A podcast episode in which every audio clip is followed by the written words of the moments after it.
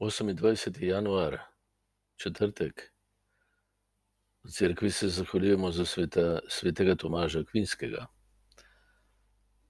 Evangelij pravi: Vi ste luč sveta, vi ste sol zemlje. Če pogledamo v svoje življenje, pa na izkušnjo nas in preteklih rodov, kaj lahko rečemo, kdaj smo v resnici luč in sol ki daje okus življenju in razsvetljuje to življenje. No, že od svetega Tomaža se lahko učimo, da smo luč in sol samo takrat, kadar svoj razum, svoje dojemanje živimo v osebnem odnosu z Bogom Očetom, Jezusom Kristusom, v moči svetega Duha, če hočete teološko rečeno.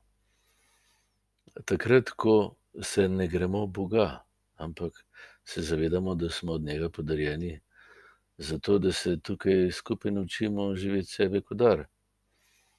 Torej, če, eh, stik z Bogom je omogoča modrost, ki z inteligenčnim kvocijom eh, nima prav nobene povezave.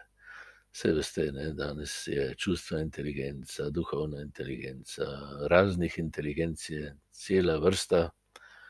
In uh, se mi zdi bistvena je pa ta življenjska odnosna inteligenca, da se jaz ne grem Boga, ker jaz nastajam po besedi, ki jo sprejemam. Moje življenje in odnos do vas in do vsega gre po besedi, ki ji zaupam. Ta je lahko dialoška ali pa monološka.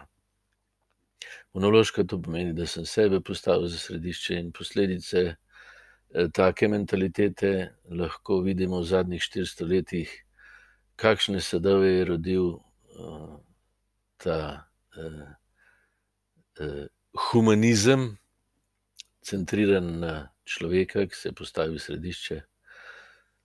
Imamo pa uh, tudi aristotelizem, ki smo ga zamenjali za evangelij, zlahka.